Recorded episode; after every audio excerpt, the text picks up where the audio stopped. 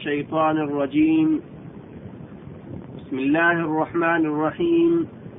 الحمد لله الذي فرض الحج على من له زاد وراحلة من المسلمين الأحرار البالغين العاقلين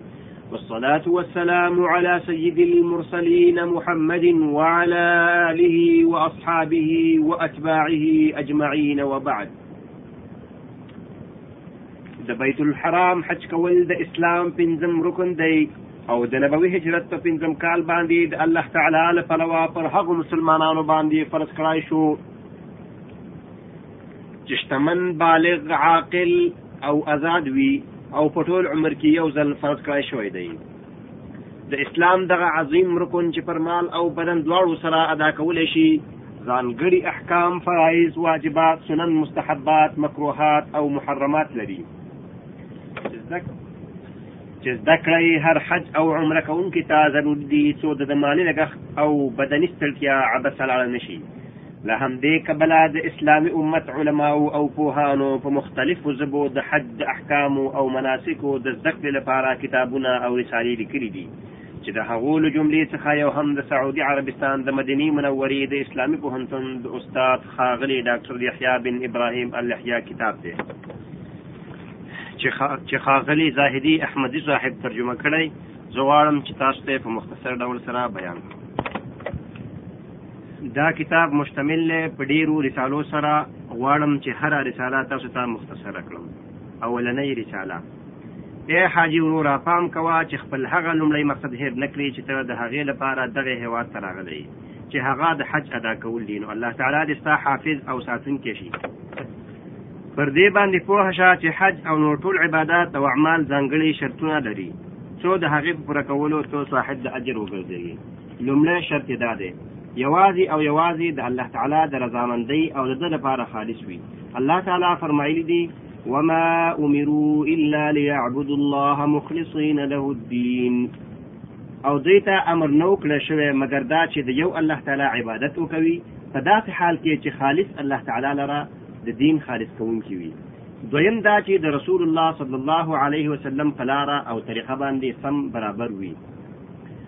ځکه چې رسول الله صلی الله علیه وسلم فرمایلی دی من عمل عملا ليس عليه امرنا فهو رد کوڅوک داس یو عمل وکړي چې د هغه په کولو موږ حکم کړی نه وي نو هغه مردود او غیر مقبول دی او د حج باره کې رسول الله صلی الله علیه وسلم فرمایلی دی خذوا عني مناسککم تاسو د خپل حج احکام او مناسک لما څخه زده کړئ او پر هغه څه باندې عمل وکړئ چې ما په حج کې کړی دي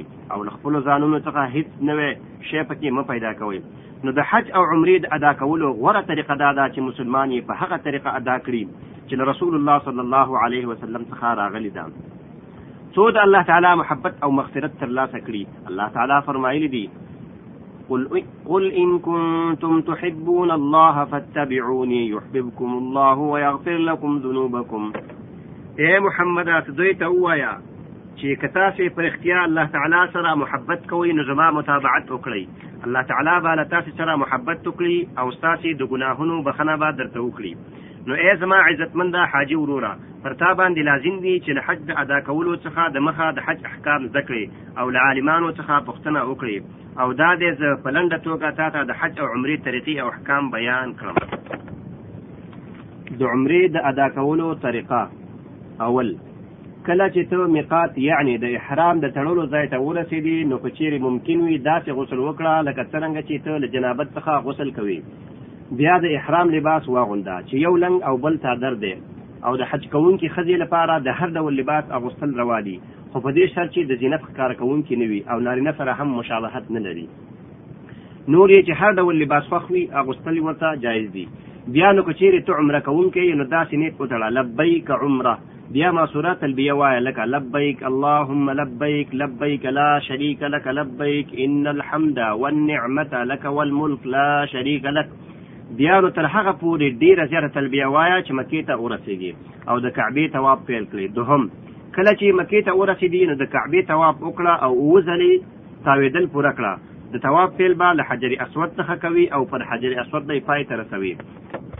څلورم کله چې تا سعی پای ته ورسوله نو د ټول سرویخته به کم کړي او په دې سره ستا عمره سر ته ورسېدله او ته کولی شي چې احرام له ځان څخه لرې کړي او خپلې ګنډلې جامې واغوندي پنځم او که چیرې ته یوازې د حج ادا کولو اراده لري دې قسم حج ته حج افراد یعنې په میقات یعنې د احرام تړلو ځای کې به ووایي چې لبیک حجا بیا به تر هغې پورې ډېره زیاته تلبیه وایي چې جمره عقبه وولي نو کله چې بیت الله ته ورسېدې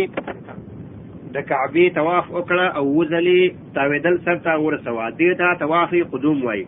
او که دې په همدغې طواف کې د صفا او مروه ترمنځ سعی وکړه نو د حج له سعی څخه همدا ستا لپاره کافي ده د سر ویختان به نه کموي او احرام کې به تر هغې پورې باقي پاتې کېږي چې د اختر په ورځ ځان حلال کړي شپږم او که ته د قران حج کوونکی یعنې حج او عمره دواړه کوي نو د احرام تړلو په وخت کې به ووایې چې لبیک عمره وحجا بیا به ډېره زیاته تلبیه وایې تر دې چې جمره عقبه وولې او هغه څه وکړه چې د مفرد حج کوونکی یې کوي د حج د ادا کولو چارې اول کله چې د ذلحجې د اتمې ورځې سهار شي او د څاښت وخت شي نو د هغې ځای څخه د حج احرام وتړه چې اوسېږي که چېرې متمتع حاجي او که ممکن وي نو غسل وکړه او د احرام جامې واغونده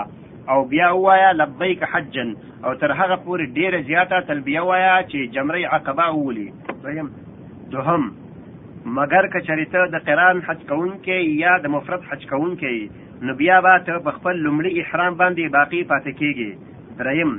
بیا ته مینا ته لاړ شه او په مینا کې د ماسپښین لمونځ دوه رکعته د مازیګر لمونځ هم دوه رکعته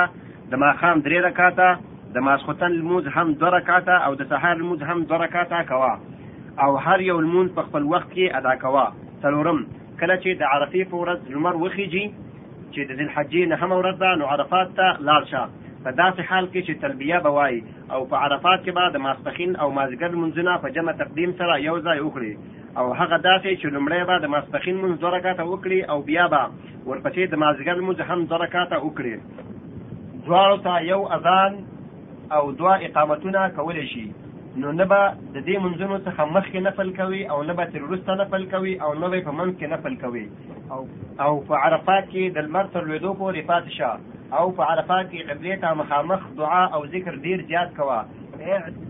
عزتمند وروره په ډیر تاکید سره تا ته وایم چې د عرفات په حدود کې دننه اوسېږه او پام کوه چې د لمر د لوېدو څخه مخکې د عرفات څخه ونوځي پنځم بیا کله چې لمر په بشپړه توګه ډوب شو نو د عرفات څخه مزدلفې ته لاړ شه په ډیر آرام او ډاډ سره درومه او په مزدلفې ته د رسېدو څخه وروسته د ماښام او ماسخوتن لمونځونه یو ځای په یو اذان او دوو اقامتونو سره ادا کړه د ماښام لمونځ درې رکعته او د ماسخوتن لمونځ دوه رکعته وکړه او بیا ویده شه دغه شپه د ذکر او لمونځونو کولو دپاره ویښه مه سبا کوه او مه بل څه پکې کوه بیا د سحر لمونځ په مزدلفه کې وکړه بیا د دعا او ذکر لپاره نږدې تر لمر د خطو پورې درنګ وباسه شپږم کله چې لمر خطو ته کابو شو نو بیا له مزدلفې څخه مینا ته لاړ شه په داسې حال کې چې تلبیه به وایي او کله چې مینا ته ورسېږي نو په مینا کې له رسېدو سره سم دغه لاندې کارونه وکړه جمره عقبه وشتل لومړی به جمره عقبه اوولي او دغه جمره نورو جمراتو څخه مکې ته زیاته نږدې ده او دغه جمره به پرله پسې په اوو ګیټو اوولي او هرې ګیټې سره به الله اکبر وایي ب قرباني یا ذبحه کول بیا به خپله قرباني ذبحه کړي او له هغې څخه به څه نه به خپله وخوري او نور به پر بیوسلو بیوزلانو باندې تقسیم کړي او دا قرباني کول د تمتع په حج کوونکي او د قران په حج کوونکي باندې واجب ده جیم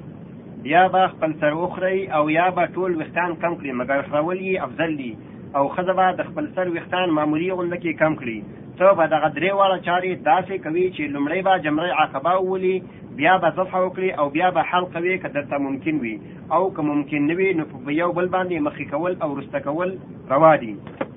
د دې درې واړو وروسته به ته خپلې ګنډلې جامې واغوندې په دې سره د احرام ټول ممنوعات تا ته حلال شو سوا د جماع کولو نه او دې ته لومړي حلالېدل وایي اووم بیا له مینا څخه مکې ته لاړ او د افادې طواف وکړه یعنې د حج طواف وکړه او د صفا او مروه ترمنځ سعی هم وکړه او دا د حج سعی ده که چېرې ته د تمتع حج کوونکی یې دا دا دې چې وکړل نو ته په دویم حلالېدو سره حلال شي او تا د احرام ټول ممنوعات حلال شول ان تر دې چې له ښځو سره جما هم کول اتم مګر که چېرې ته د مفرد حج کوونکی یا د قران حج کوونکی نو ته د بیت الله طواف وکړه او که په طواف قدوم کې دې سعی نه وي کړي نو د صفا او مروه ترمنځ سعی هم وکړه نهم بیا له طواف او سعی کولو څخه وروسته بیرته مینا ته لاړ شه او په مینا کې د ذوالحجې یولسمه او دولسمه شپه تېره کړه. لسم بیا له زوال څخه وروسته په یولسمه او دولسمه ورځ جمرې ووله په داسې ډول لومړی به هغه جمرولې کومه چې د مکې نه لرې ده په اوو وړو وړو ګیټو سره بیا به توقف وکړې او قبلې ته مخکې دعا به وکړې بیا به دوهمه جمره وولې او په اخر کې به جمرې عقبه وولې او د زوال نه مخکې جمره وشتل جایز نه دي یولسم نو کله چې تا په دولسمه ورځ د جمرو وشتل سرته ورسول نو که غوښتل دي چې بیړه وکړي په دغه ورځ د جمرو وشتلو څخه وروسته له منا څخه د لمر د لوېدو څخه د مخه ووځه او که د غوښتل چې ځن وکړي او دغه ځن کول افضل دي نو دیارلسمه شپه هم په منا کې تېره کړه او بیا په دیارلسمه ورځ له زوال څخه وروسته درې واړه جمرې په همغه طریقه وله چې په یولسمه او دولسمه ورځ کې دې وشتلې وي دولسم، نو کله چې تا خپل هېواد ته د تلو اراده وکړه، نو د مکې څخه د وتلو نه مخکې د کعبې طواف وکړه او دې ته طواف وداع وداع وايي، په حیض لرونکي او نفاس لرونکي ښځو باندې طواف وداع نشته. د مدینې منورې زیارت زما عزتمند وروره پوه شه چې د مسلمان لپاره د نبوي جماعت زیارت کول سنت دي برابره خبره ده د حج او عمرې په موده کې وي او په بل وخت کې وي او دلیل یې دا حدیث دی چې نبی صلی الله علیه وسلم فرمایلی دی لا تشد الرحال الا الى ثلاثه مساجد المسجد الحرام ومسجد هذا والمسجد الاقصى د درې جماعتونو څخه پرته د ثواب په نیت بل هر ځای ته سفر کول ناروا دي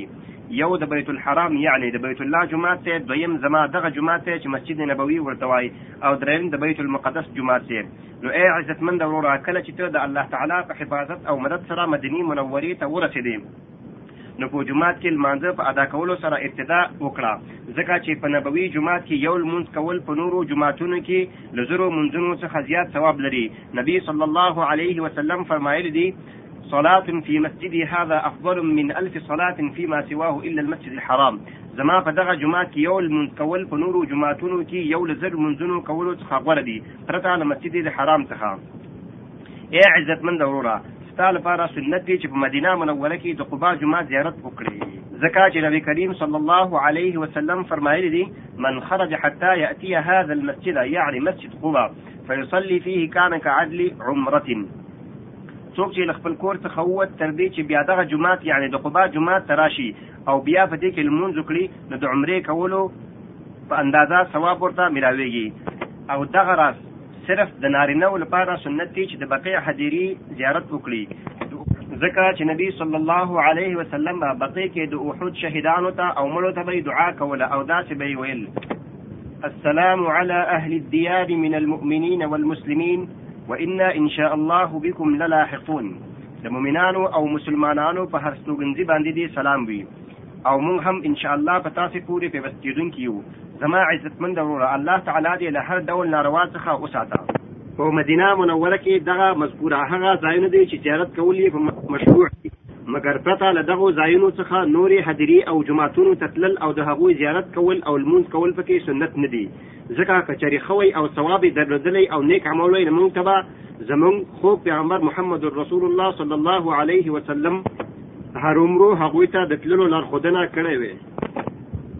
دویمه رساله په مناسکو کې د خطاګانو په هکله عزتمند حاج وروره د حج په مناسکو کې ځینې خطاوې دي چې ډېر حاجیان پکې واقع کېږي چې یا خو د ناپوهۍ له امله او یا د هیرې او یا د تنبلۍ په سبب وي چې دا د ځینې به له هغو څخه ذکر کړم څو ته ورڅخه بچ شي او د الله تعالی په اذن ستا حج سالم پاتې شي لومړی هغه خطاګانې چې په احرام کې ځینې خلک کوي اول له میقات څخه د احرام نه تړل او پرېښودل دوهم ځینې وګړي دا عقیده لري چې که په احرام کې نیت ونه کړای شي نو د څپلۍ یا کلوشو خو کول روانه دي دریم ځنې حاجیان دا عقیده لري چې دته د احرام جامې بدلول روانه دي څلورم د اتباع دوام اتباع په حد کې دیتا ویل کیږي چې په احرام کې خي اوګه بربنډ کړی شي او د صادر پیتکا په کینه اوګه واچول شي او دا یوازې د طواف قدوم په محل کې کولای شي بیا ضروری نه ده او ځینې حاجان دا عقیده هم لري چې د احرام تړلو څخه وروسته هرومرو باید دوه رکعته لمونځ وکړی شي دویم د میقات او مسجد حرام ترمنځ خطاګانې کول، اول، تلبیه تلبیه ویل پرېښودل او په نورو خبرو کې مصروفېدل، دوهم، په یو اواز تلبیه ویل، دریم، هغه خطاګانې چې مسجد حرام ته د ننوتو په وخت کې خلک کوي، اول، حرم ته په ټاکلې دروازه باندې ننوتل، دویم، حرم ته د ننوتلو په وخت کې د مخصوصو دعاګانو ویلو بدعت، په داسې حال کې چې په شریعت کې حرم ته د نوځو لپاره کومه خاص دعا نشته څلورم هغه خطاګانې چې په طواف کې خلک کوي د طواف نیت پر زبا لستل لکه چې ځینې حج کوونکي وای اللهم انی نویت ان اتوف بالبیت سبعه اشوات په داسې حال کې چې دغه ډول پر زبا نیت کول نه له رسول الله صلی الله علیه وسلم څخه وارد شوي او نه له اصحاب کرامو څخه دوهم له حجر اسود څخه د طواف نه پیل کول، دریم، په حجر اسود او رکن یماني الګوله جوړول او دکې وهل، څلورم، دا ګمان او عقیده لرل چې د حجر د حجر اسود ښکلول د طواف صحت لپاره شرط دی، پنځم، د یماني رکن ښکلول، شپږم، دا عقیده لرل چې د حجر اسود او یماني رکن ښکلول د تبرک لپاره دي، اووم، رمل، د طواف په ټولو چکرونو کې،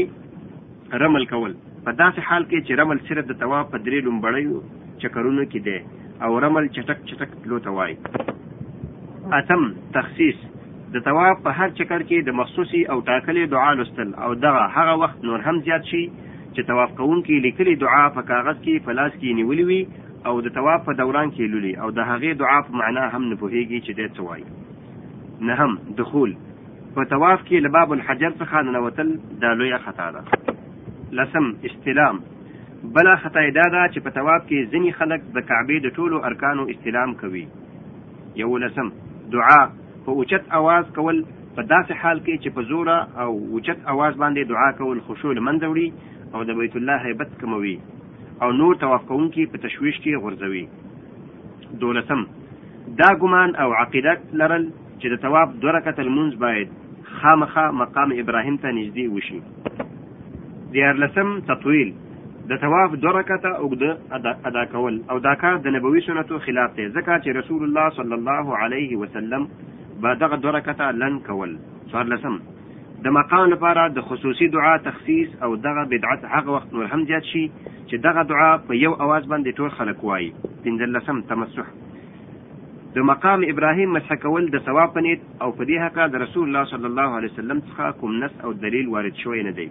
پنځم هغه خطاګانې چې په سعی کې خلق کوي اول پر زبا د سعی نیت ویل دوهم رفع الیدین په صفا باندې لاس اوچتول او په دواړو لاسونو سره د کعبې پلو ته اشاره کول دریم په صفا او مروه باندې د هر ځل ختلو په وخت کې ان الصفا والمروه من شعائر الله آیات ترسل په داسې حال کې چې دغه مبارک آیات د تلاوت مستور حکم د سعی په لومړي ځل کې پر صفا باندې د ختلو په وخت کې شوی دی څلورم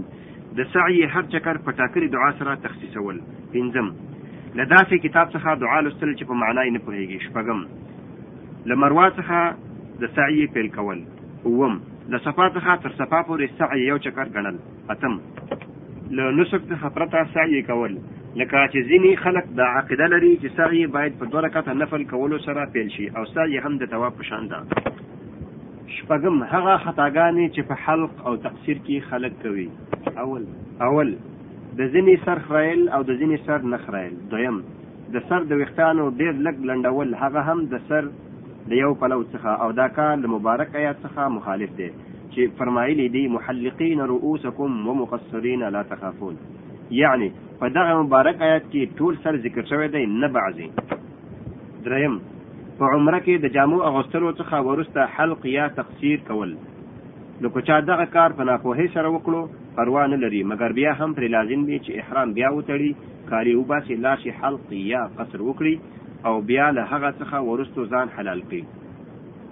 اووم هغه خطاګانې چې په یو مترویه یعنی د ذوالحجې په اتمه ورځ خلک کوي اول د احرام تړلو په وخت کې دوه رکعته لمونځ کول د وجوب اعتقاد لرل او په نوي لباس سره د احرام تړلو د وجوب عقیده دوهم له احرام تړلو څخه وروسته استباع په داسې حال کې چې استباع صرف په توافق دوم کې ده او بیا مشروع ده د استباع تعریف مخکې شوی دی دریم دا عقیده لرل چې احرام باید له مسجد حرام څخه وتړل شي نه له خپل ځای څخه څلورم دا عقیده چې د حد د احرام تړل په هغه لباس سره نه صحیح کیږي چې د عمرې ادا کولو احرام پکې تړل شوی وي پنځم مینا ته د تللو په وخت کې تلبیه په جهر نه ویل شپږم مینا ته له رسېدو سره سم عرفات ته تلل اووم، په مکه کې پاتې کېدل او په اتمه ورځ مینا ته نه تلل. اتم، په مینا کې د لمانځه اتمام کول. اتم، هغه خطاګانې چې د عرفات ته د تلو په وخت کې خلک کوي او په عرفات د وقوع په وخت کې خلک کوي. اول، له مینا څخه عرفات ته د تلو په وخت کې په جهر سره تلبیه نه ویل. دوهم، د عرفات له سیمې څخه بهر وقوف کول. دریم، د قبلې پر ځای غر ته مخ ګرځول. څلورم، دا ګمان چې د غر په شا کې وقوف واجب دی. پنځم، دا عقیده لرل چې د عرفات ونې هم په حرمت کې د حرم د ونو په شان دي، پرې کول او غورځول یې روا نه دي. شپږم، دا عقیده لرل چې د عرفات غر خاصه سپېڅلتیا او قدسیت لري چې له همدې امله حاجیان هغه ته ختل ضروري ګڼي، پرې اوچتېږي او هلته لمونځونه کوي او ځانونه د هغه په ونو ځوړندوي. اووم، دا ګمان کول چې له امام سره لمونځ ادا کول واجب دي که هر څه هم ډېر زیات تکلیف ورپکې هم وي. اتم، له عرفات څخه د لمر له لوېدو څخه د مخکې وتل. نهم، بې ګټې د وخت ضایع کول او دغه ګناه هغه وخت نوره هم لویه شي چې وخت د حرامو چارو په ارتکاب کې ضایع کړي لکه د عکسونو اخیستل، د محرماتو سماع لکه د ساز او سرود اورېدل او چټي خبرې کول. او خلکو ته تکلیف رسول، نهم، هغه خطاګانې چې مزدلفې ته په راستنېدو کې خلک کوي، اول، په ډېره بیړه او چټکتیا سره تلل، دوهم، مزدلفې ته له رسېدو سره سم پړو اچول،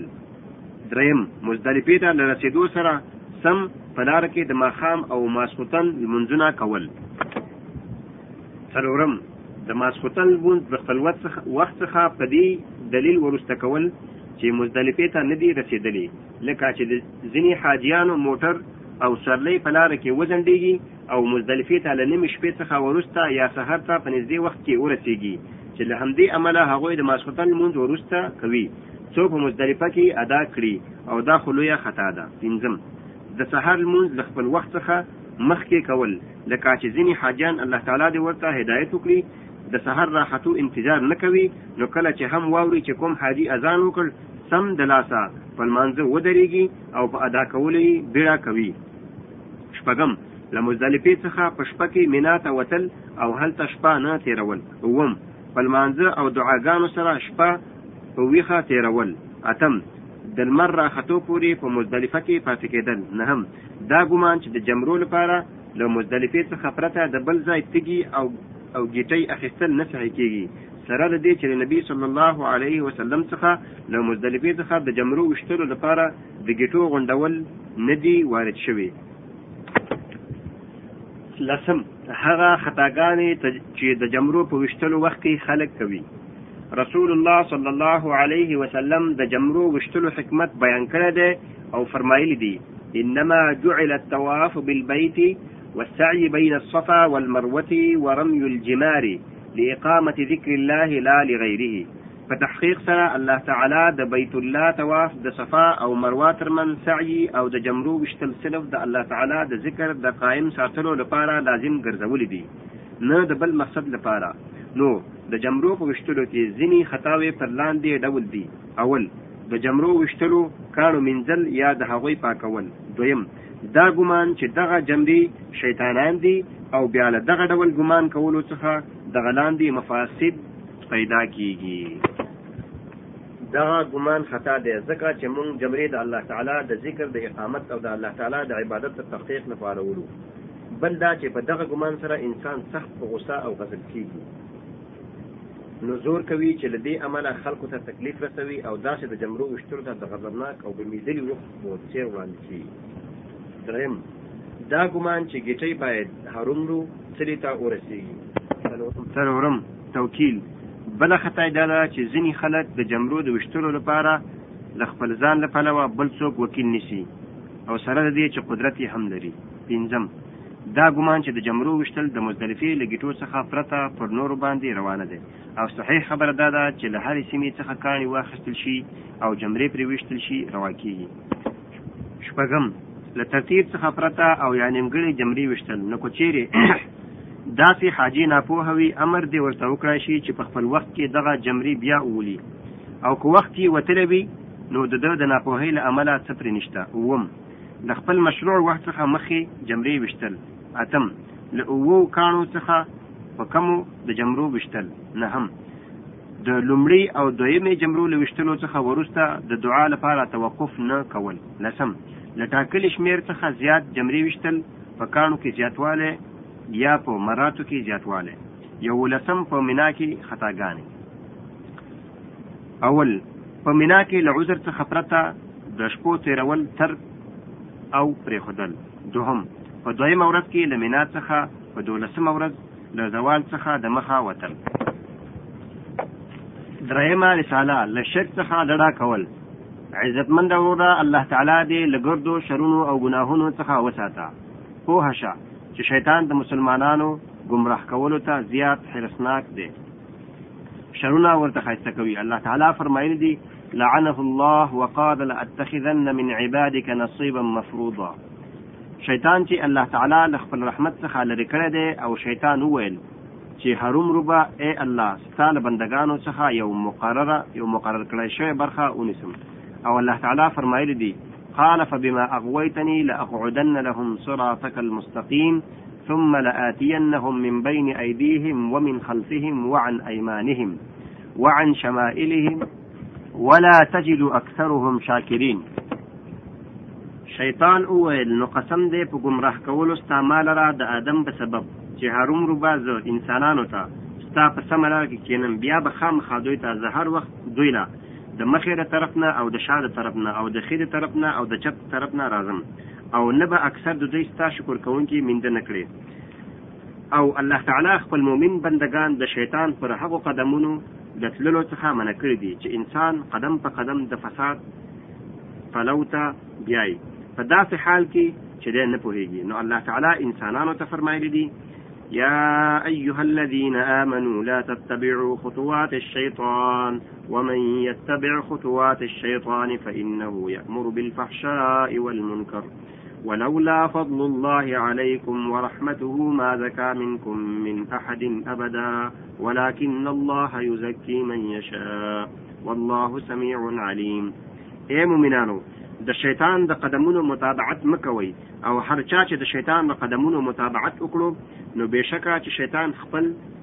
تابع ته په بې حیايي او بدو خبرو امر کوي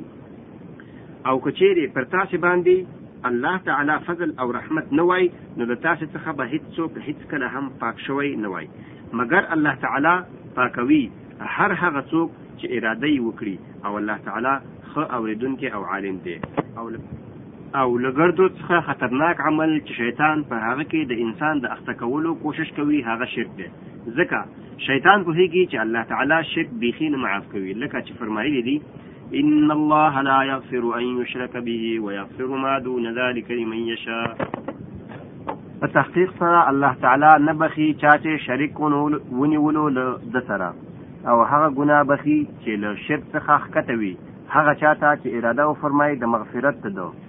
اے عزتمند وروره پوه شه چې شیطان په جسمي شرک کولو حکم نه کوي بلکې ځینې داسې اعمال د کولو لپاره مزین کوي چې شرک ته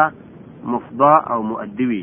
او د نوح علیه السلام په قوم کې د لومړي ځل لپاره چې شرک رایج شو د هغو نیکو سړیو په سبب وو او هغه داسې کله چې هغوی مړه شول نو شیطان هغوی ته دا خبره ښایسته وګرځوله چې د هغوی تصویرونه جوړ کړي ترڅو د هغوی په لیدلو سره د مړو شوو بزرګانو علم او نیکۍ ور په یاد کړي او پن ورڅخه واخلي بیا کله چې له هغوی څخه ورستو کوم نسل راغی شیطان هغوی ته وویل ستاسو پلرونو دغه تصویرونه د دې لپاره جوړ کړي دي چې د مصیبتونو او د مشکلاتو په وخت کې مرسته او مدد ورڅخه وغواړي او د تنګسیو په وخت کې پناه پرې وغواړي او هغه هم د شیطان لمسه ومنله تر دې چې د هغو تصویرونو عبادت یې پیل کړو. او په تحقیق سره عوام وګړي د خپلې ناپوهۍ له امله پر داسې سترو سترو چارو کې اخته شوي دي چې هغوی د شرک په شان خطرناک کنده کې غورځوي په داسې حال کې چې دوی نه پوهېږي لکه چې ځینې د دوی څخه وایي ای زما باداره حسینه یا بیبي زینب یا بدوي یا متولي او یا فلانې یا پیر بابا زما مدد وکړه یا زه په تا سره پناه غواړم یا تا ته فریاد کوم او یا تا سره مرسته په تا سره مرسته غواړم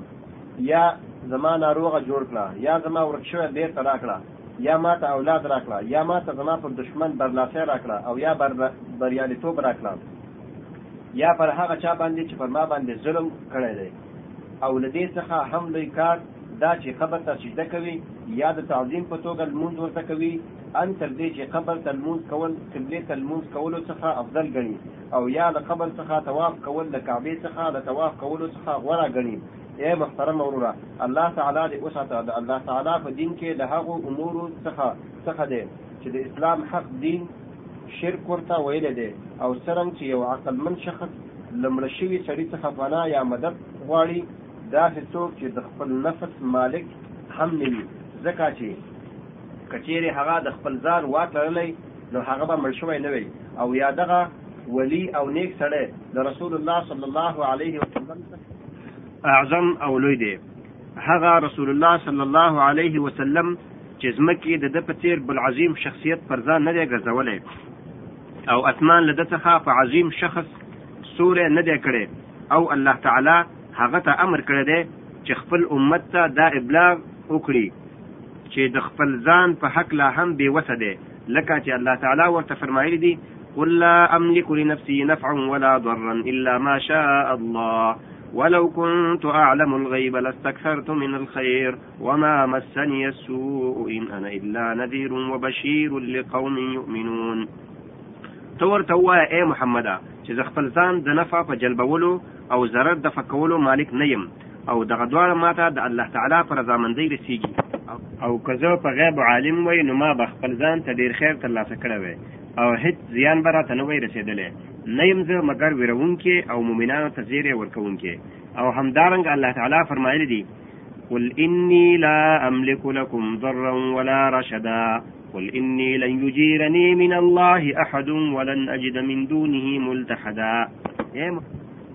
اې محمده ورته ووایه چې زه چې زه تاسې د زیان رسوني او د هدایت واک نه لرم ته ورته وایه چې زه هیڅ چاته هم هیڅکله له الله تعالی څخه پناه نشم ورکولی او نه بغیر له الله تعالی څخه پناه موم نو کله چې رسول الله صلی الله علیه وسلم د خپل ځان لپاره د نفع او ضرر واک نه لري او نه چاته له الله تعالی څخه پناه ورکولی شي آیا پر هغه باندې سره له دې هم یو چاته د نفع یا تاوان رسولو عقیده کولی شي له یو مسلمان څخه دا ډیره لري خبره ده چې دغه ډول عقیده ولري او الله تعالی فرمایلی دی ويعبدون من دون الله ما لا, ما لا يضرهم ولا ينفعهم ويقولون هؤلاء شفعاؤنا عند الله او دوی بیل الله تعالی څخه هیڅ د هغو شیانو عبادت کوي چې نه دوی ته ضرر رسولای شي او نه ګټه او دوی وای چې دا په نزد الله تعالی زمونږ شفاعت کوونکي دي دا د مشرکانو عمل دی چې له خپلو بوتانو سره یې کوي نو آیا صحیح خبره ده چې یو مسلمان د مشرکانو د عمل تقلید وکړي له اولیاء او صالحینو څخه شفاعت غواړي په داسې حال کې چې هغه مړ شوي دي او الله تعالی له هغو مشرکانو څخه د وینا نقل کړی دی چې هغوی د خپل شرک په هکله دا عذر وړاندې کوي چې دوی د اولیاء او بوتانو عبادت صرف د دې لپاره کوي چې دوی الله تعالی ته نږدې کړي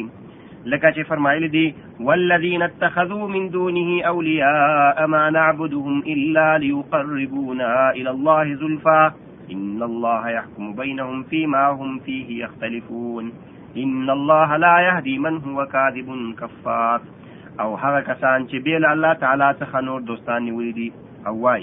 مونږ د دوی عبادت نه کوو مګر صرف د دې لپاره چې مونږ الله تعالی ته نږدې کړي په نږدې کولو سره بشک الله تعالی به د دوی ترمنځ په هغه څه کې فیصله کوي په قیامت کې چې دوی پکې په خپل منځ کې اختلاف کوي په تحقیق سره الله تعالی هغه چاته هدایت نه کوي چې درواغ ویونکي او کافر دي نو آیا یو مسلمان چې د الله تعالی په کلام ایمان لري دا لایق ده چې بیل الله تعالی څخه د اولیاء او نیکانو څخه حاجتونه غواړي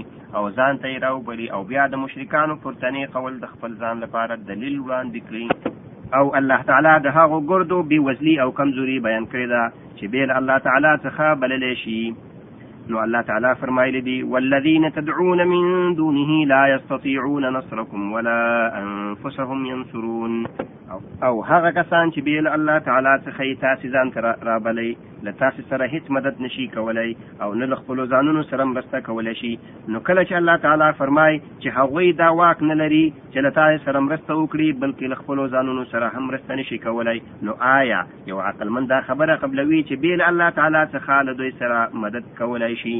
چا چې دا عقیده ولرله نو الله نو د الله تعالی تکذیب وکړو او چا چې د الله تعالی تکذیب وکړو نو په تحقیق سره کافر شو که څه هم لمونځ هم کوي او روزه هم نسی او دا ګمان هم کوي چې زه مسلمان یم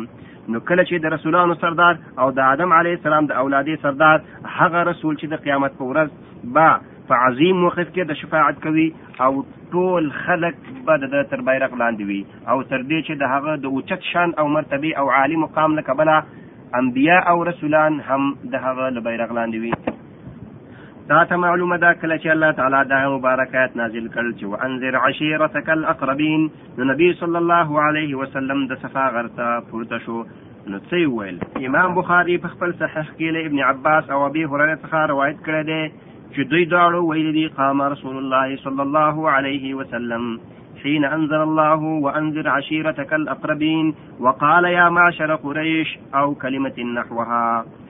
اشتروا أنفسكم لا أغني عنكم من الله شيئا يا ابن عبد مناف لا أغني عنكم من الله شيئا ويا صفية عمة رسول الله صلى الله عليه وسلم لا أغني عنك من الله شيئا يا عباس بن عبد المطلب لا أغني عنك من الله شيئا ويا فاطمة بنت محمد صلى الله عليه وسلم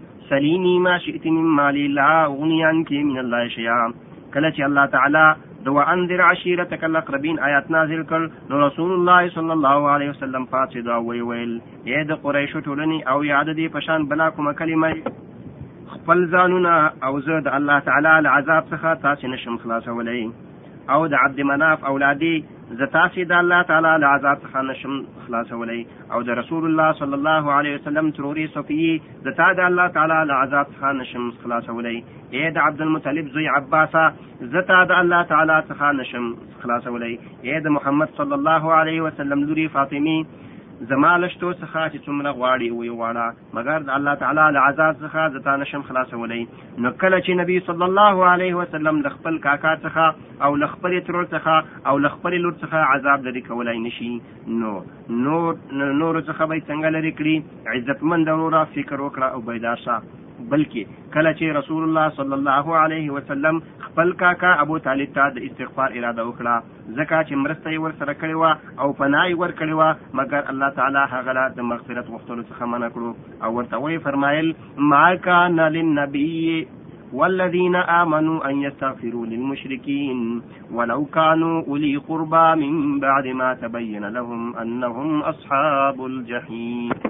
نبی ته روان دي او نه هغه کسانو ته چې ایمان یې راوړی دی چې د مشرکانو لپاره مغفرت وغواړي که څه هم دغه مشرکان د دوی خپلوان هم وي وروسته له دې څخه چې دوی ته ښکاره شي چې بېشکه دوی دوزخیان دي او کله چې الله تعالی د رسول الله صلی الله علیه وسلم د خپل کاکا په هدایت مندلو کې تمنا وکړه نو الله تعالی ورته وفرمایل انک لا تهدی من احببت ولكن الله يهدي من يشاء وهو اعلم بالمهتدين په تحقیق سره ته اے محمد لارښودنه هغه چاته نشي کولای چې ته ورسره محبت لري او ستا خوښوي لیکن الله تعالی هغه چاته لارښودنه د سمې لارې کوي چې اراده یې وفرمایي او الله تعالی ښه عالم ښه عالم دی پر هدایت مندونکو او سمې لارې قبلونکو باندې نو ای زما عزت مند وروره پام کوه چې ناپوهانو د غیر الله د بلنې په کار باندې ونه غولېږي او دوکه نشي وتوکل علی الحي الذي لا يموت او په هغه تل ژوندي الله تعالی بر وسو کړه چې بیخي نمري نو ته ځان مرا بلا مگر یوازې الله تعالی او پناه مغواړه مگر یوازې په یو الله تعالی سره او ته پیاوړتیا او مدد مغواړه مگر یوازې په الله تعالی سره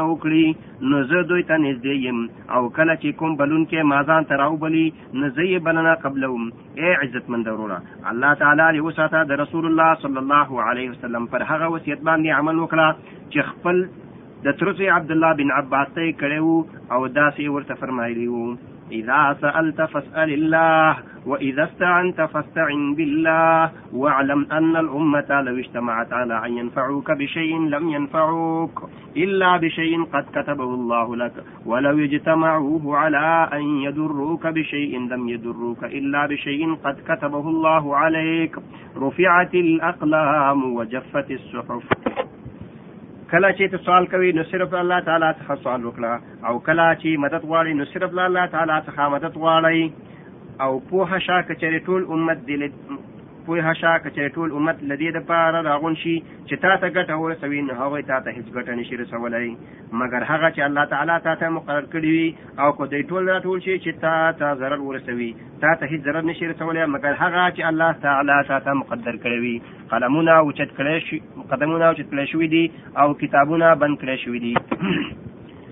عزتمند وروره آیا له دې څخه وروسته هم د چا لپاره څه دلیل پاتې کیږي او آیا الله تعالی له قول څخه او د الله تعالی د رسول له قول څخه وروسته هم د بل چا قول د دې په خلاف قبلول شي برابره خبره ده هغه که هر څوک وي عزتمند وروره الله تعالی دې له هرې بدۍ څخه وساته په دې باره کې ډېرې غوره دعاګانې دي چې رسول الله صلی الله علیه وسلم به خپلو صحابه کرامو ته زده کولې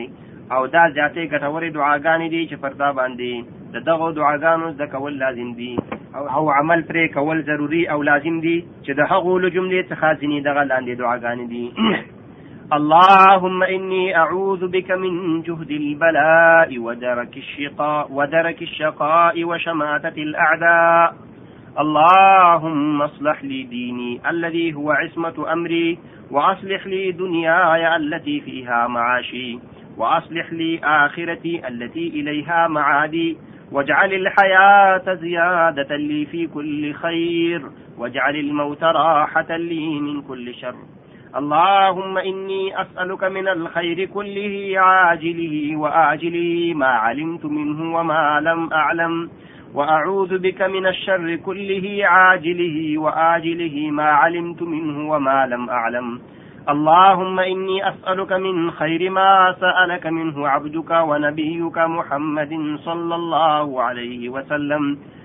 وأعوذ بك من شر ما استعاذ منه عبدك ونبيك صلى الله عليه وسلم اللهم إني أسألك الجنة وما قرب إليها من قول أو عمل وأعوذ بك من النار وما قرب إليها من قول أو عمل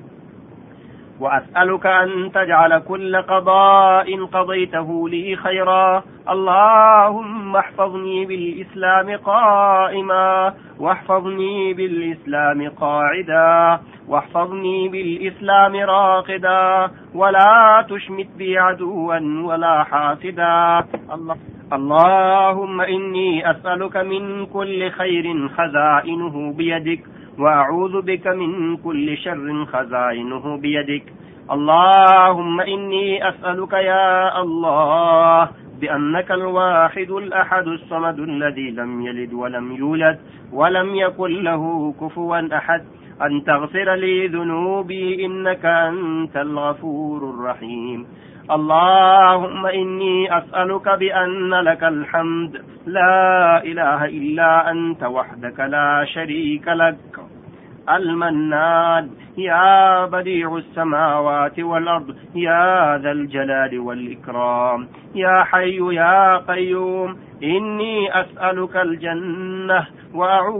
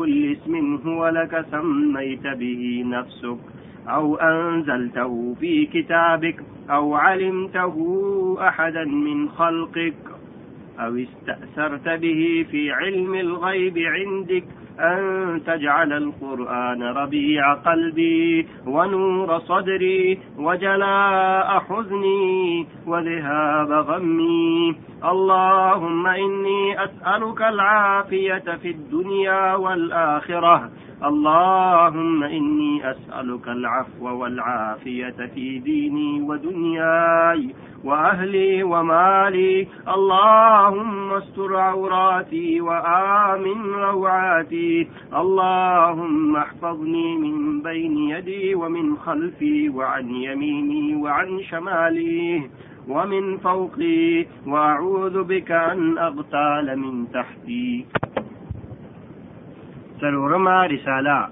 نبوي حقوق زما عزتمند وروره ته خو له ما سره دا شاهدي کوي چې زمونږ نبی او زمونږ حبیب محمد رسول الله صلی الله علیه وسلم د الله تعالی بنده او د رسول او د الله تعالی د ټول مخلوق غوره بنده دی د الله تعالی پر وحی امین دی الله تعالی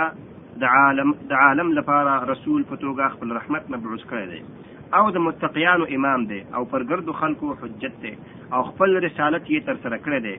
او امانت یې ادا کړی دی او امت یې پر نصیح او امت ته یې نصیحت کړی دی او مونږ یې په داسې سپینه او صافه لار پرېښودلی یو چې شپه یې د ورځې په شان ده نه ورڅخه کږېږي مګر د خپل ځان هلاک کوونکی الله تعالی په ده سره له ګمراهۍ څخه مونږ ته هدایت کړی دی او له ړوندوالي څخه يې بصيرت راکړی دی، الله تعالی دده ذکر اوچت کړی او سينه يې الله تعالی پرانستلې ده او ګناهونه يې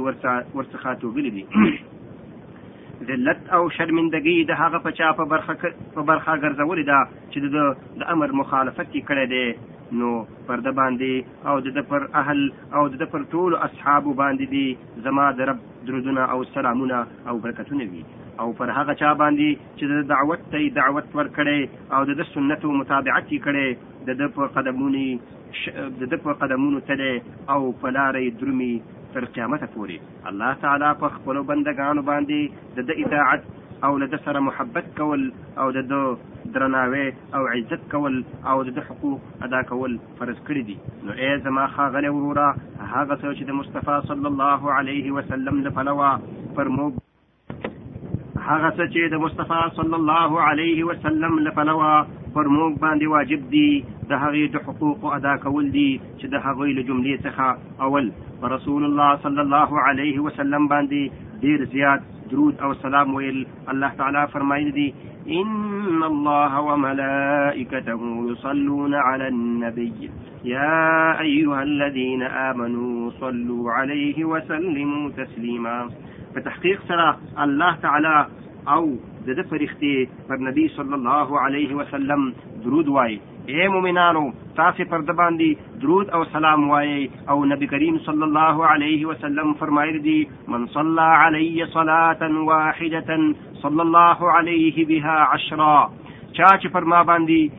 یو ځل درود ووایه الله تعالی به لس ځلې درود پرې ووایي ای زما عزتمند وروره پوه شه چې پر نبی صلی الله علیه وسلم درود او سلام له ګردو څخه غوره صیغه الفاظ هغه دي چې هغه په خپله خپلو اصحابو ته ورزده کړي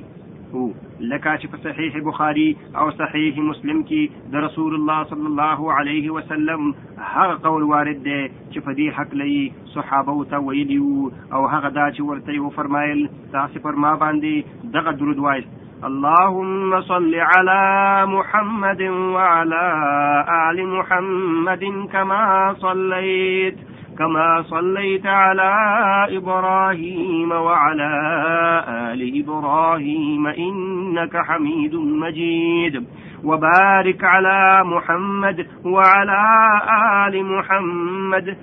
كما باركت على إبراهيم وعلى آل إبراهيم إنك حميد مجيد دویم دویم حقی د زړه لکمی او په صداقت سره د محمد صلی الله علیه وسلم سره محبت لرل دي او پر نور هر چا باندې د د محبت وړاندې کول دي رسول الله صلی الله علیه وسلم فرمایلی دي لا يؤمن أحدكم حتى أكون أحب إليه من ولده ووالده والناس أجمعين لتاس التخا يو شخص تر هغه پوري بشپړ مؤمن کېدلای نشي چې زه دته د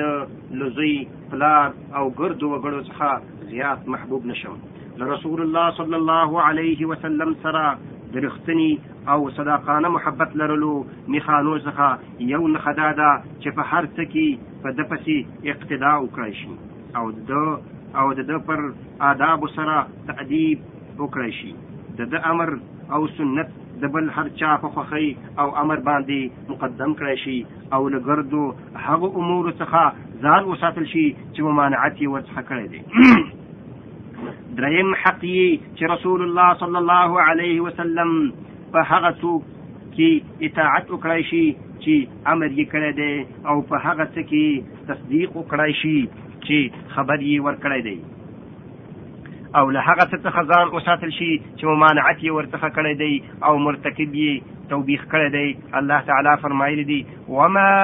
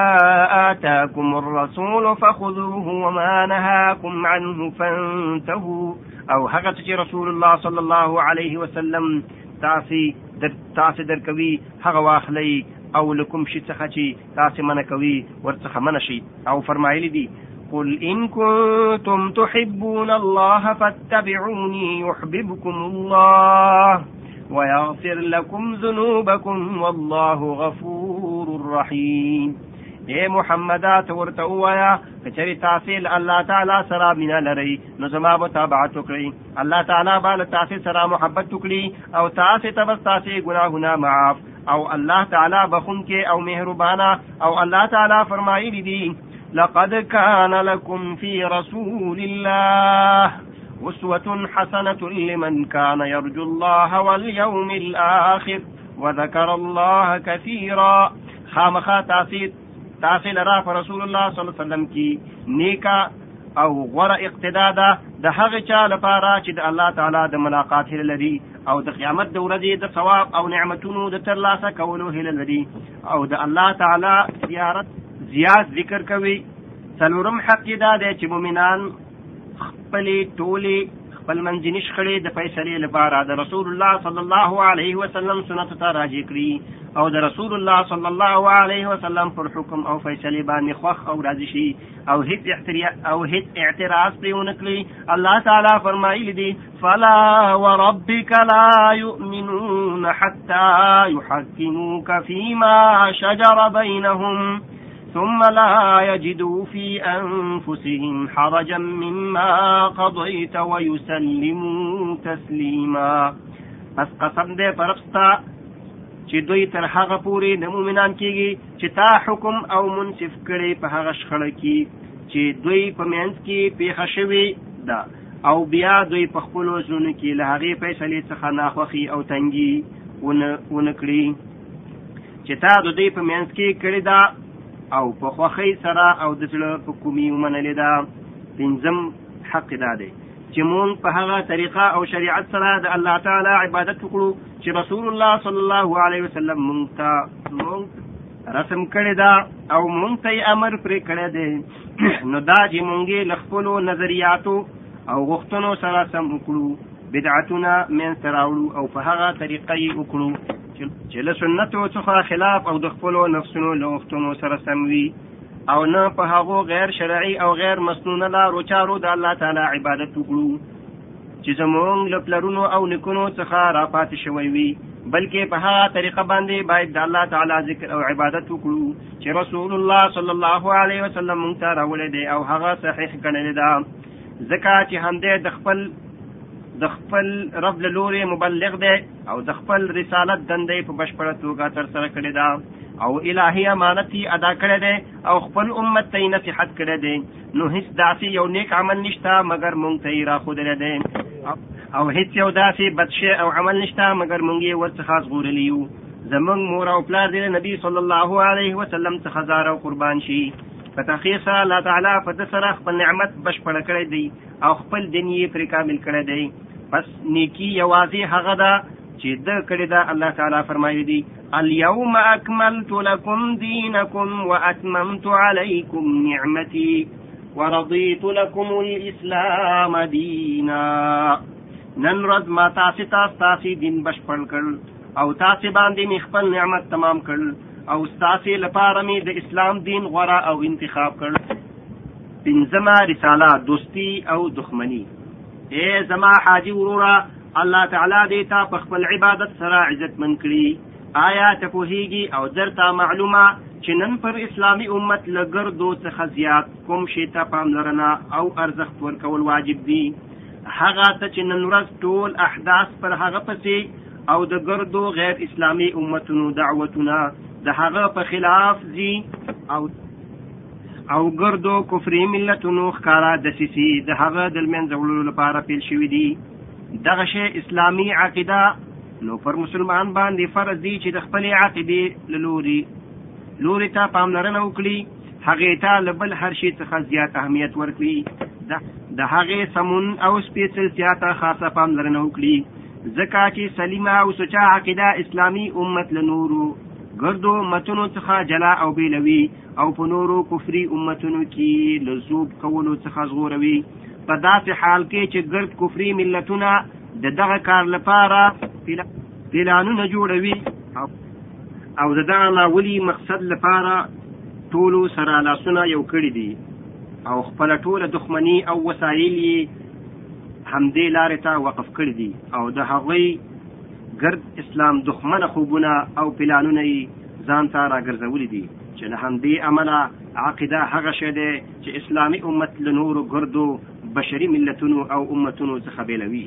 او د عقیدې له ګردو بابونو څخه هغه زیات مهم باب چې د امت کیان او موجودیت یې خوندي کړی او باقي ساتلی او په نورو کفري امتونو کې له ذوب کولو څخه منع کوي، اسلامي امت ته یووالی ور په برخه کوي او له اختلاف څخه یې ژغوري، هغه دوستي او دښمني ده او دښمنان هڅه کوي چې د مسلمانانو له ژوند څخه دوستي او دښمني او دښمنۍ باب له منځه یوسي او ختم یې کړي او د خپل دغه شوم کار لپاره که څه هم هغوی خپل ټول وسایل عیار او په کار اچولي دي، مګر هغوی څرنګ او کله داسې کولی شي ځکه چې الله تعالی په هر مسلمان باندې فرض کړی دی چې هر ورځ اوولس ځلې د یهودو او نصاراو له طریقې څخه په الله تعالی سره پناه وغواړي او هغه داسې چې رسول الله صلی الله علیه وسلم فرمایلی دی لا صلاة لمن لم يقرأ الا بفاتحة الكتاب څوک چې پر په لمانځه کې د فاتحې صورت ونلولي لمونځ یې نه کېږي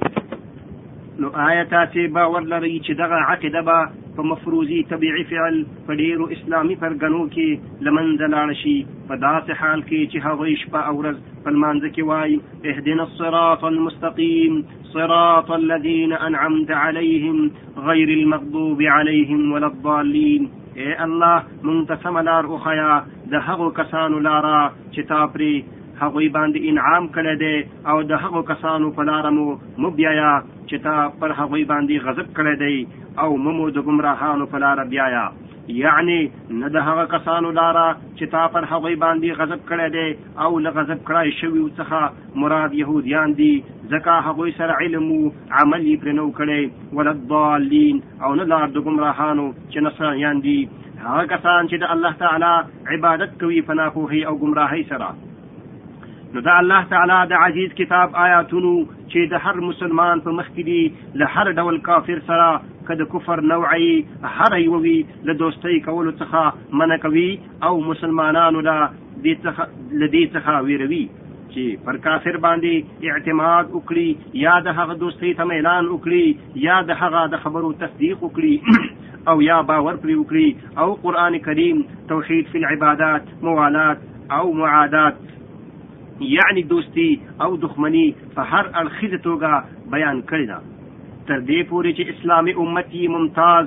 کړی او په ګردو حالاتو او اعمالو کې یکی یو جسد انځور کړی دی او پر کافر باندي باور کول يي ختم کړي دي، د هغوي خبرو تصديق کول او د هغوي پر ژمنو باور کول او د هغوي پر اقوالو بروسه کول د اسلامي امت په ټولنه کي له پخوا څخه زايل شوي دي، مګر مګر له هغه وخت څخه چي د دوستۍ او دښمنۍ عقيده په مسلمانانو کي ورکه شوه او يا کمزوري شوه او خلک ورڅخه ناخبره شو نو خپلو دښمنانو ته مايل شو او هغوي دوی ته ناوړه عذابونه ورتلل او د دوی کرامت یې له خپو لاندې کړ او عالمانو دوی له هغوی څخه د بې ذاتیا په تکل په تعلیم سره په وعظ سره هڅوي او د هغې له دوستۍ څخه ویروي او هغه څه چې په دې حق له ورته واضح کړي دي په لاندې ډول دي لومړی دا چې هر مسلمان د الله تعالی په کتاب قرآن کریم کې دا لولي چې کافر د مسلمانانو په هکله له خپل پخواني ټینګ موقف څخه نه تیریږي او په هغه کې دوه چارې دي یا دا چې دوی دوی به په ناوړه مخ سره وژني او یا به دوی له خپل دین څخه اړوي مرتد کوي به لکه چې الله تعالی فرمایلی دی انهم ان يظهروا عليكم يرجموكم او يعيدوكم في ملتهم ولن تفلحو اذا ابدا په تحقیق سره کچری دوی پر تاسو باندې خبر او برلاسی شي نو تاسو به یا خو سنگسار کړی او قتل به مکړي او یا به مخبل دین ته واړوي او بیا نو په دغه صورت کې به تاسو هیڅ کله هم خپل مراد ته ونه رسیږئ دویم دا چې یو بیدار او ویښ مسلمان پر دې باندې پوهیږي چې کافران تل زموږ مسلمانانو د وسلون جنگ او قتلان او مونږ ته د زیان رسولو په لټه کې دي او په دې حق له هغوی له مختلفو وسیلو پلانونو او تدبیرونو څخه کار اخلي او تر هغه پورې هغوی ته ډاډ او آرام نه پر بر... نه په برخه کیږي تر څو چې وکولای شي مونږ له خپل دین څخه وګرځوي الله تعالی فرمایلی دی ولا یزالون یقاتلونکم حتى يردوكم عن دينكم إن استطاعوا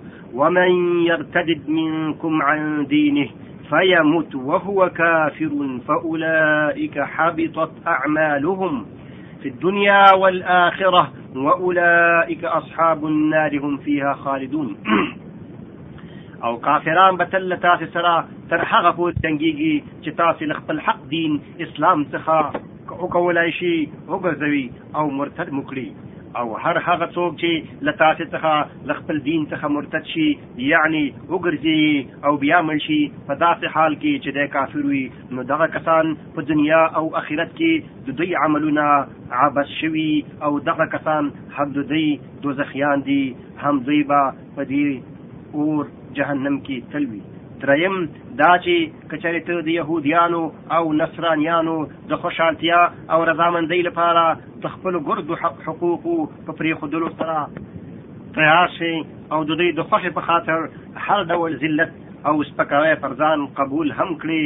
او څه چې هغوی غواړي ته یې ورسره قبول کړې مګر له دې هر څه سره سره، هغوی هیڅکله هم له تا څخه تر هغې پورې نه خوشحالیږي چې ته خپل دین او عقیده او د خپل ملت اهل ورته پرې نه کړې او د هغوی د دین متابعت ونه کړي الله تعالی فرمایلی دی ولن ترضى عنك اليهود ولا النصارى حتى تتبع ملتهم او هیڅ کله به يهوديان او نصرانيان د تا څخه تر هغې پوري خوخ راضي نشي چې ته د دین د دوی متابعت وکړي څلورم دا چې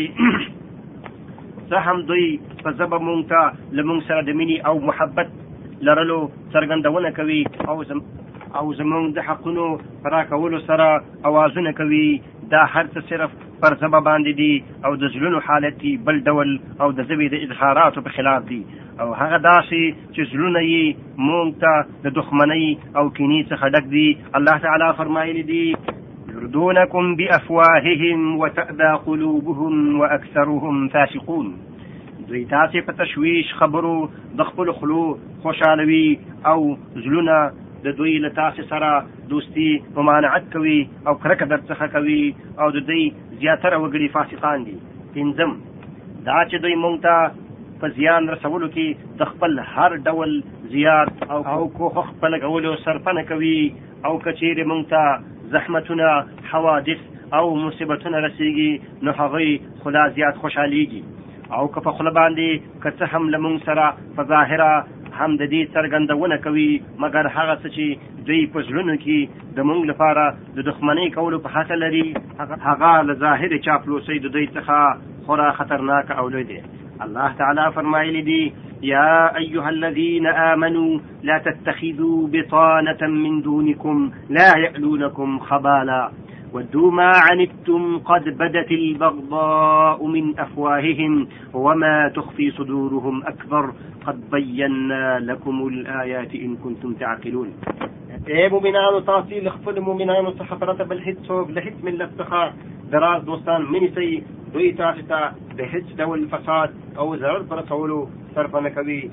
دوی خو دا زیات خوښوي چې تاسې ته کوم زیان رسېدلی وی په تحقیق سره د خلو د دوی له تاسې سره کینه او دښمني کول ښکاره شوي دي او هغه بغض چې دوی یې په خپلو زړونو کې پټوي ډېر لوی دی له هغه څه چې په خوله یې تاسې ته وایي په تحقیق سره موږ تاسې د دوی د منافقت علامې بیان کړي دي که چېرې تاسې عقل من یاست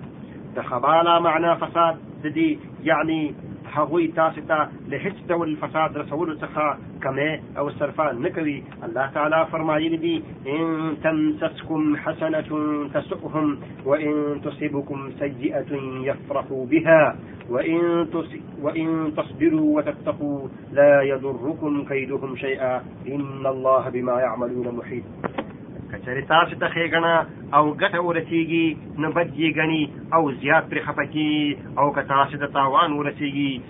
نو پرې خوشحالېږي او که تاسې د دوی په اضرار اضرارو صبر وکړئ او د دوی له دوستۍ څخه ځان وساتئ نو دوی مکر او فریب تاسو ته هیڅ زیان رسولی نشي بېشک الله تعالی په هغو کارونو د دوی چې دوی یې کوي هم ښه احاطه کوونکی دی او الله تعالی خبرداری ورکړی دی چې کله دوی په خپل منځ کې یو له بل سره یو ځای او مسلمانانو څخه بیل شي نو د مسلمانانو په خلاف د خورا سختۍ غصې او کینې څرګندونه او انځورونه کوي واذا خلوا عضوا عليكم الانامل من الغيظ او کله چې دوی له تاسې څخه ګوښه شي نو له ډېرې غصې څخه پر تاسې باندې د خپلو ګوتو سرونه چیچي د وګړو ترمنځ عادت داسې دی چې کله په غوسه شي نو خپله یوه ګوته پر غاښونو چیچي مګر یهود او نصرانیان پر مونږ باندې سختې د غوسې له امله خپلې ټولې ګوتې چیچي شپږم دا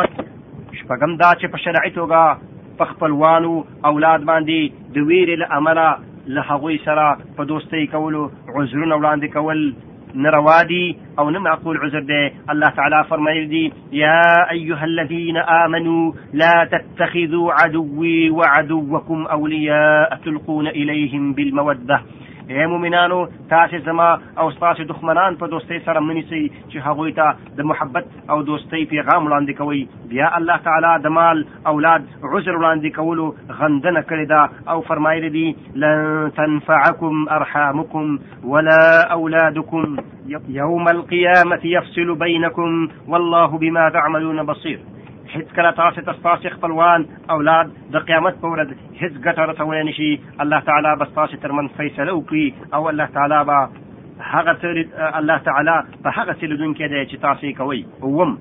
دا چې کافران که څه هم په خپل منځ کې سره مخالف دي او د هغوی ترمنځ جنګونه او دښمنۍ هم پیښې شوي دي مګر کله چې د اسلامي امت سره د جنګ خبره واقع شي نو بیا د مسلمانانو په خلاف ټول سره یو کیږي او ګرد کافران د اسلامي امت په خلاف یو امت دی او په خپل منځ کې دوستۍ سره کوي او که مؤمنانو سره یو نشي او په خپل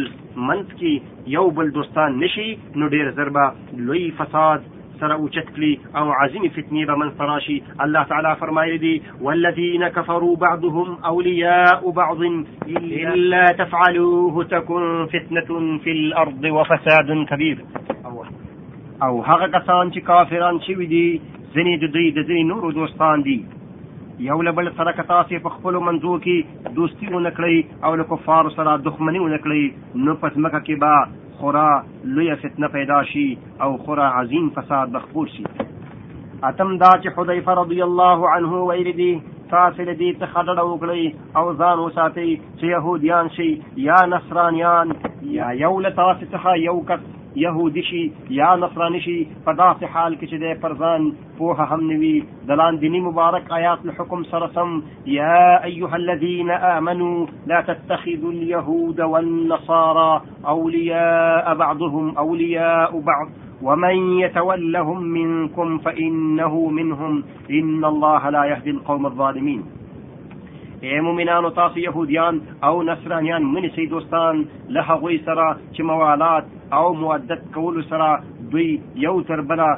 ځیني د ځیني نورو دوستان دي، ځکه چې په کفر کې ټول سره شریک دي، او هغه چا چې له تاسې څخه له دوی سره دوستي وکړه، نو بېشکه چې دی له هم له همدوی څخه دی. په تحقیق سره چې الله تعالی د ظالمانو قوم ته هدایت نه کوي، بلکې الله تعالی مؤمنان له خپلو هغو سکه ورونو او پلرونو سره هم له دوستۍ او خپلولۍ پاللو څخه منع کړي دي چې هغوی کافران دي.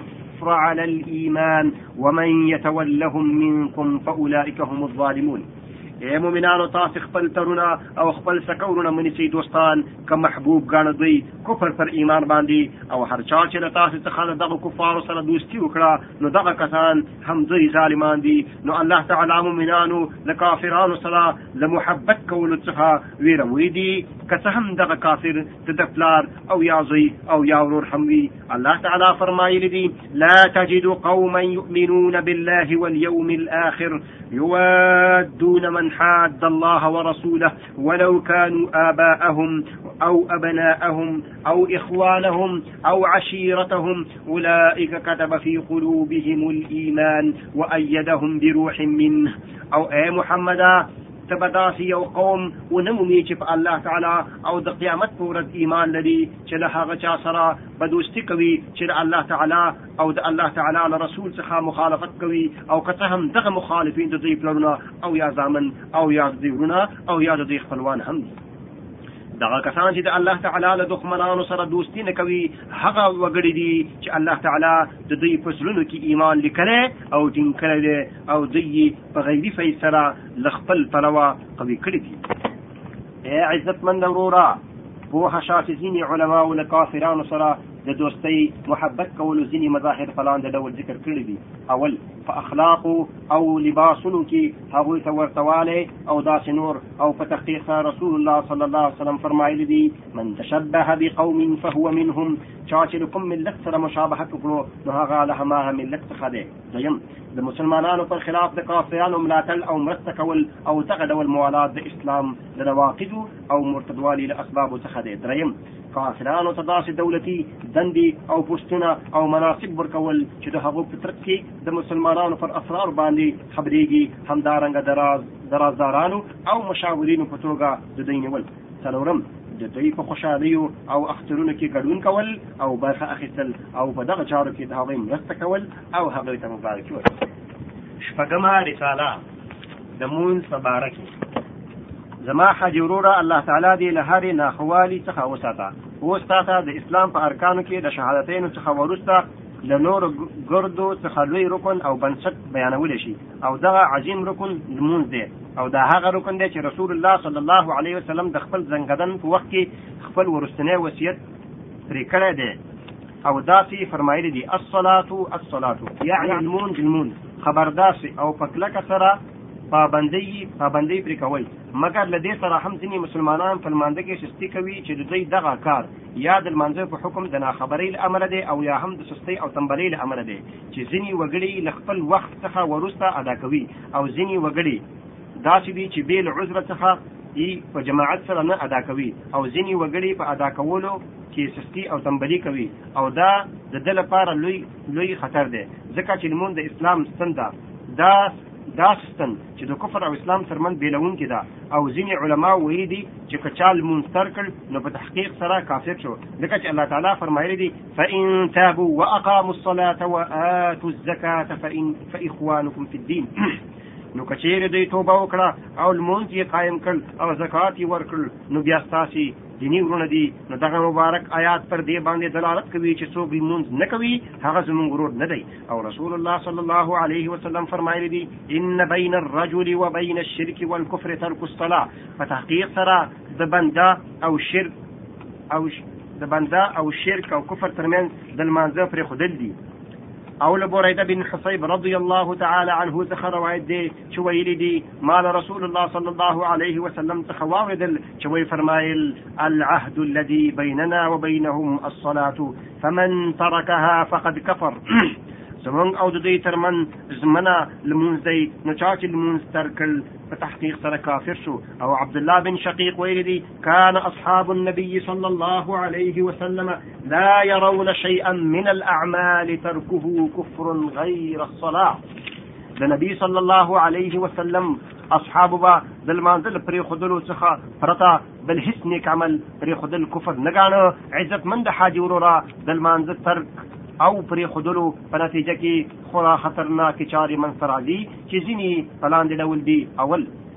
لومړی دا چې د بې لمانځه شخص په خپل اولاد او ښځو باندې ولایت او قومیت ختمیږي دویم دا چې د خپلوانو څخه شرعا میراث وړلی نشي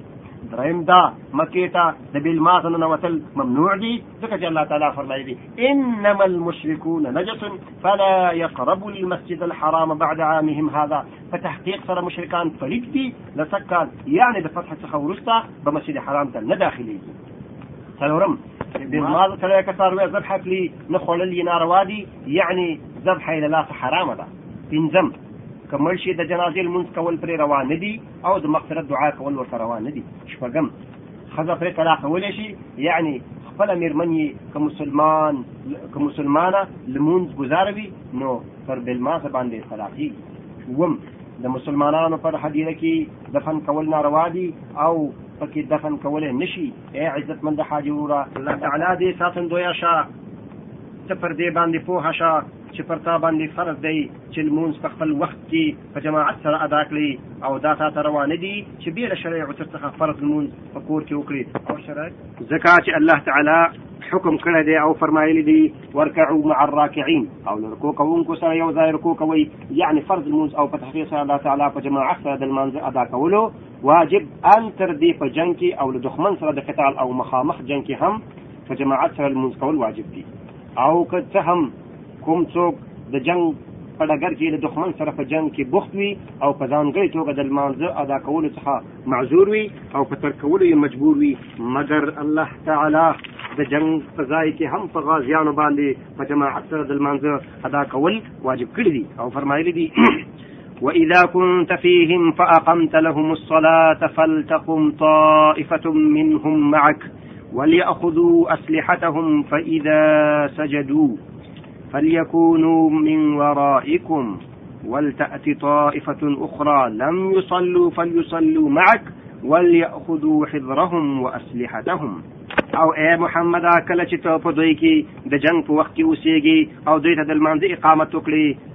نو خپل لښکر دوه ډلې کړه نو له دوی څخه دی یوه ډله ودرېږي له تا سره پر لمانځه باندې او دغه لمونځ کوونکي دي خپلې وسلې واخلي نو کله چې دوی سجده وکړه یعنې په تاسې په تاسې پسې نیم لمونځ وکړو نو دوی دې ستاسې شاته د څارنې لپاره لاړ شي او هغه بله ډله دې راشي چې لمونځ یې نه دی کړی نو هغوی دې له تا سره باقي پاتې لمونځ وکړي او دوی دې هم د بیدارۍ اسباب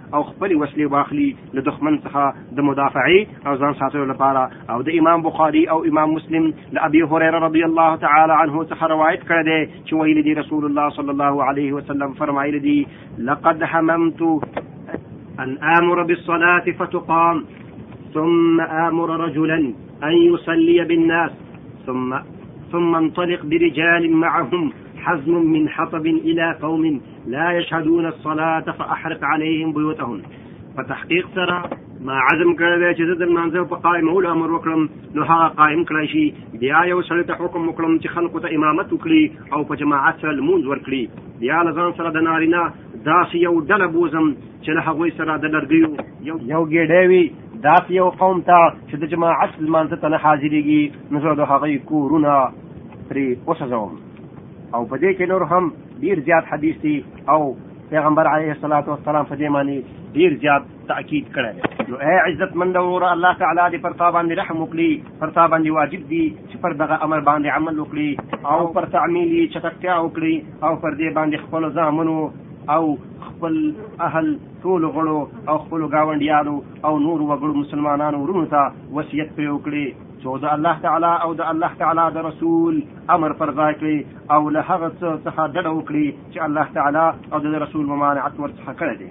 او له منافقینو سره د ورتوالي څخه لرې والی وکړي الله تعالی دې ما او تا ته د هغه څه په کولو توفیق راکړي چې ده ته محبوب دي او په کولو یې راضي کېږي او الله تعالی دې مونږ ټول خپلو نفسونو له شرونو څخه وساتي او الله تعالی دې مونږ زمونږ له ناوړو اعمالو څخه وساتي په تحقیق سره الله تعالی سخی او مهربان دی وما رساله کوډي او جادو عزتمند وروره الله تعالی له هرې ناخوالي څخه وساته سحر په اسلام کې له کبیره ګناهونو څخه غنل شي او نبی کریم صلی الله علیه وسلم له شرک سره پیوست او یو شان غنل دي او فرمایلی دي اجتنبوا السبع سبع الموبقات الشرک بالله والسحر له اوو هلاکونکو امور څخه ځان وساتئ د الله تعالی سره له شرک کولو څخه ډډه وکړئ له سحر او کوډو زده کولو او د له عمل کولو څخه ځانونه وساتئ بلکې نبی کریم صلی الله علیه وسلم له هر جادوګر او کوډګر او کوډګری خزي خزي څخه خپل بیزاری بیزارتیا اعلان کړی دا او خبر یې ورکړی دی چې ساحر او جادوګر له محمدي امت څخه نه دی لکه چې د عمران بن حسین رضی الله عنه څخه روایت دی چې ویلي دي رسول الله صلی الله علیه وسلم فرمایلی دي ليس منا من تطير ولا تطير ولا تطير له او تكهن او تكهن له او سحر او سحر له هغه څوک لمونږ څخه نه دی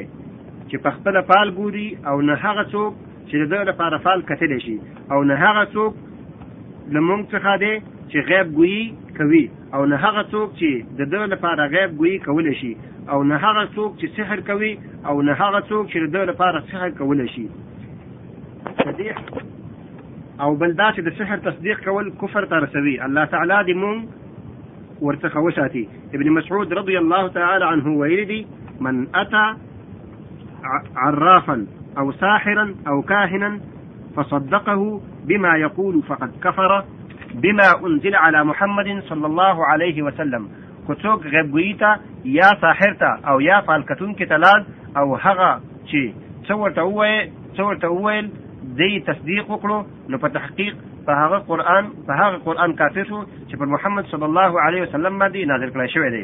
اے عزتمند وروره د کوډګر او ساحر سزا ده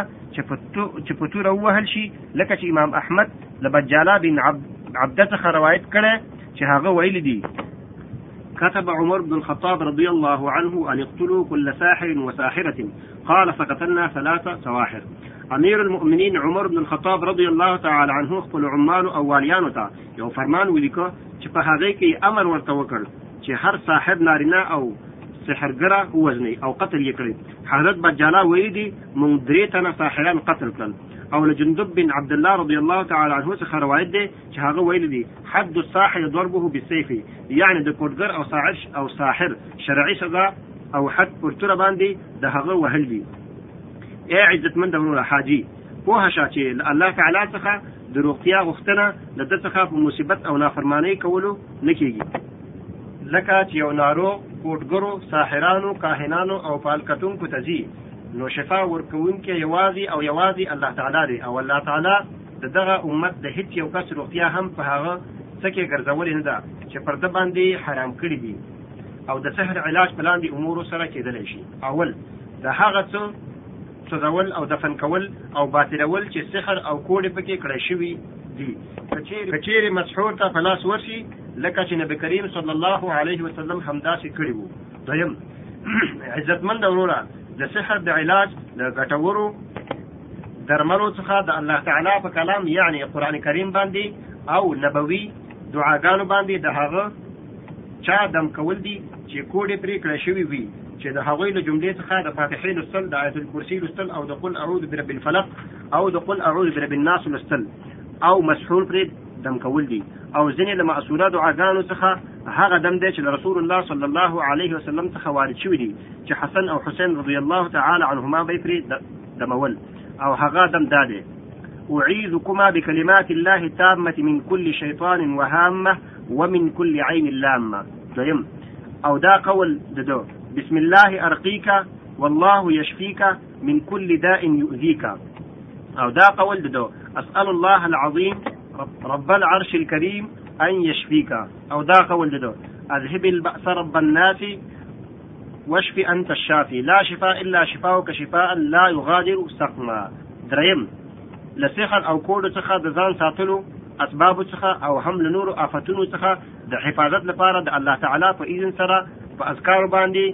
سهار او بیګا مداومت دی او د قرآني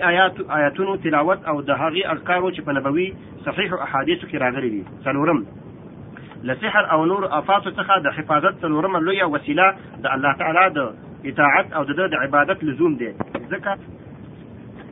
ځکه چې ډیر وګړي داسې دي چې سستی او تقصیر کوي او په هغې امور کې بې پروايي کوي چې الله تعالی حرام کړي دي بیا نو چې کله دوی ته څه ناروغي ورسیږي الله تعالی ور په یاد شي او رسول الله صلی الله علیه وسلم خپل هغه وصیت کې چې ابن عباس رضی الله تعالی عنه ته کړی دی او فرمایلی دی تعرف الى الله في الرخاء يعرفك في الشده په اسانتیا کې الله تعالی په یاد لره په سختۍ کې به الله تعالی تا په یاد لري نو هر هغه څوک چې الله تعالی ته د خپل روغتیا او قوت په وخت کې ځان نږدې کوي الله تعالی به د ناروغتیا او کمزورۍ په وخت کې ځان نږدې کوي اتمه رساله د ساز او سروز په حق لا عزتمند وروره الله تعالی دې د هر ډول شر او فساد څخه وساته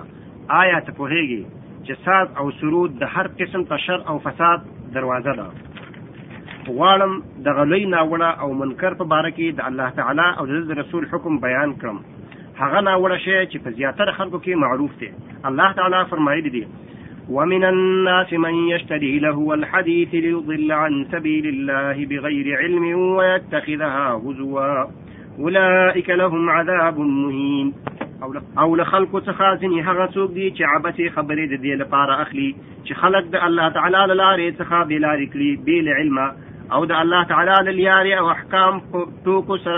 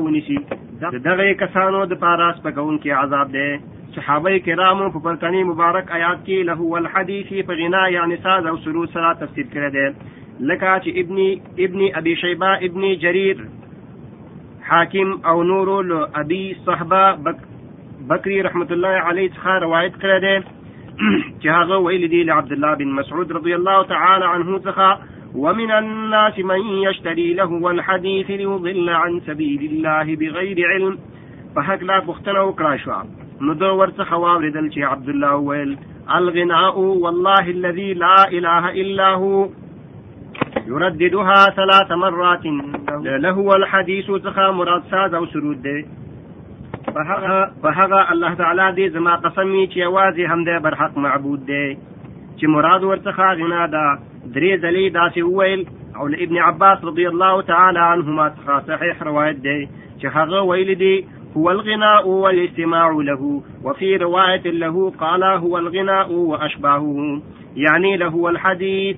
ساز او سرود او د هغه اوریدل دي او له د څخه په یو بل روایت کې راغلي دي چې دا ویل دي له هو الحديث ساز سرود او هغه هغه شیان چې د سره مشابه دي د غرا د تابعینو یو ستر یو ستر ډلې هم له هو الحديث تفسیر په غنا او ساز او سرود سره کړی دی چې د هغوی له جملې څخه مجاهد عکرمه حسن بصری سعید بن جبیر قتادتا نخعی او داس نور رحمت الله علیه مجمعین دی د خاص یادونی ول دی او په صحیح مسلم کې ابي هريره رضی الله تعالی عنه څخه روایت کړی دی چې رسول الله صلی الله علیه وسلم فرمایلی دی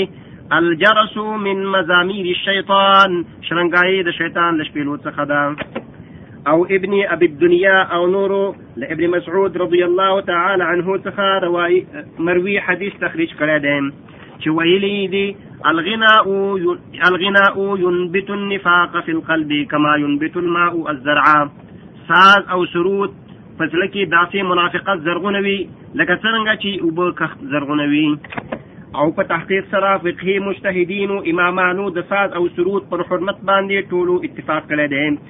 له امام مالک څخه د هغه چا په هکله پوښتنه وکړای شوه چې په مدینه منوره کې د ساز او سرود اجازه ورکړې وه نو ده په ځواب کې وویل انما يفعله عندنا الفساق په تحقیق سره د ساز او سرود کار او رخصت ورکول هغه څو کوي چې په مونږ کې فاسقان دي او د امام ابو حنیفه مذهب د غنا او ساز او سرود د تحریم په حکم کې لنورو ګردو مذهبونو څخه ډیر شدید او سخت دی په تحقیق سره د دغه مذهب پیروانو فقهاو هر ډول ساز او سرود پر تحریف باندې تصریح کړی دا او ساز او سرود د ګردو وسایلو له شپېلۍ ډول او رباب غږول او وهل یې حرام ګڼلی دي او پر دې باندې صراحت کړی دی ساز او سرود ته ناسته د هغه غږول معصیت دی او فسق موجب او د فسق موجب ګرځيږي د ساز او سرود غږونکي او اوریدونکي او نورو عاملینو شاهدي نه قبليږي او همدارنګي د امام ابو حنیفه یارانو او پیروانو ویلي دي ان سماع الغناء فسق والتلذذ بها كفر په تحقیق سره د ساده او سرود اوریدل فسق دی او خنوت څخه اخیستل کفر دی او امام شافعي ویل دي خلفت ببغداد شيئا أحدثته الزنادقة يسمونه التغبير يسدون به الناس عن القرآن ما په ما په بغداد کې داسې یو شی شاته پرې خودلې دی چې زندقانو ایجاد کړی دی او تقدیر ورته ویل شي خلق له قرآن څخه منع کوي او مصروفوي امام ابن القیم ویل دي کله چې امام شافعي د تقدیر یعنی نعت ثانی او قوالی د ویلو او د هغه د علت په حق لا او هغه دا چې خلک له قران څخه منع کوي داسې نظر لري او تغبیر د داسې اشعار ویلو ته وایي چې په دنیا کې زهد ته دعوت پکې وي کله چې هغه وایي نو سا زنده ساز او سرود سره غږیږي او دغه شعرونه په خوشوازۍ سره وایي اوریدونکی رباب ورته وهي او په ګډ اواز سره وایي او په واه واه سره بدرګه کوي او علماو د ښځو لپاره غنا په پنځو شرطونو روا کړې ده او هغه شرطونه دا دي اول چې داسې سندرې نه وي چې په هغې کې د بې حیایي او فحاشۍ خبرې وي دویم دا دا چې صرف چمبه وهي او د موسیقۍ نور آلات ورسره نه وي ځکه چې هغه حرام دي دریم دا چې په واده کې وي یا د اختر په ورځ وي څلورم دا چې د خزي وي او نارینه چې خزي وي او نارینه ورسره نه وي پنځم دا چې دا خزي نارینه او ته دومره نږدې نه وي چې غوونه یې واوري ورونو دا وی اته رساله چې ما تاسو ته په مختصر ډول سره بیان کړې الله دې موږ تاسو ته د عمل کولو توفیق راکړي په دې باندې واخر الدعوانا ان الحمد لله رب العالمین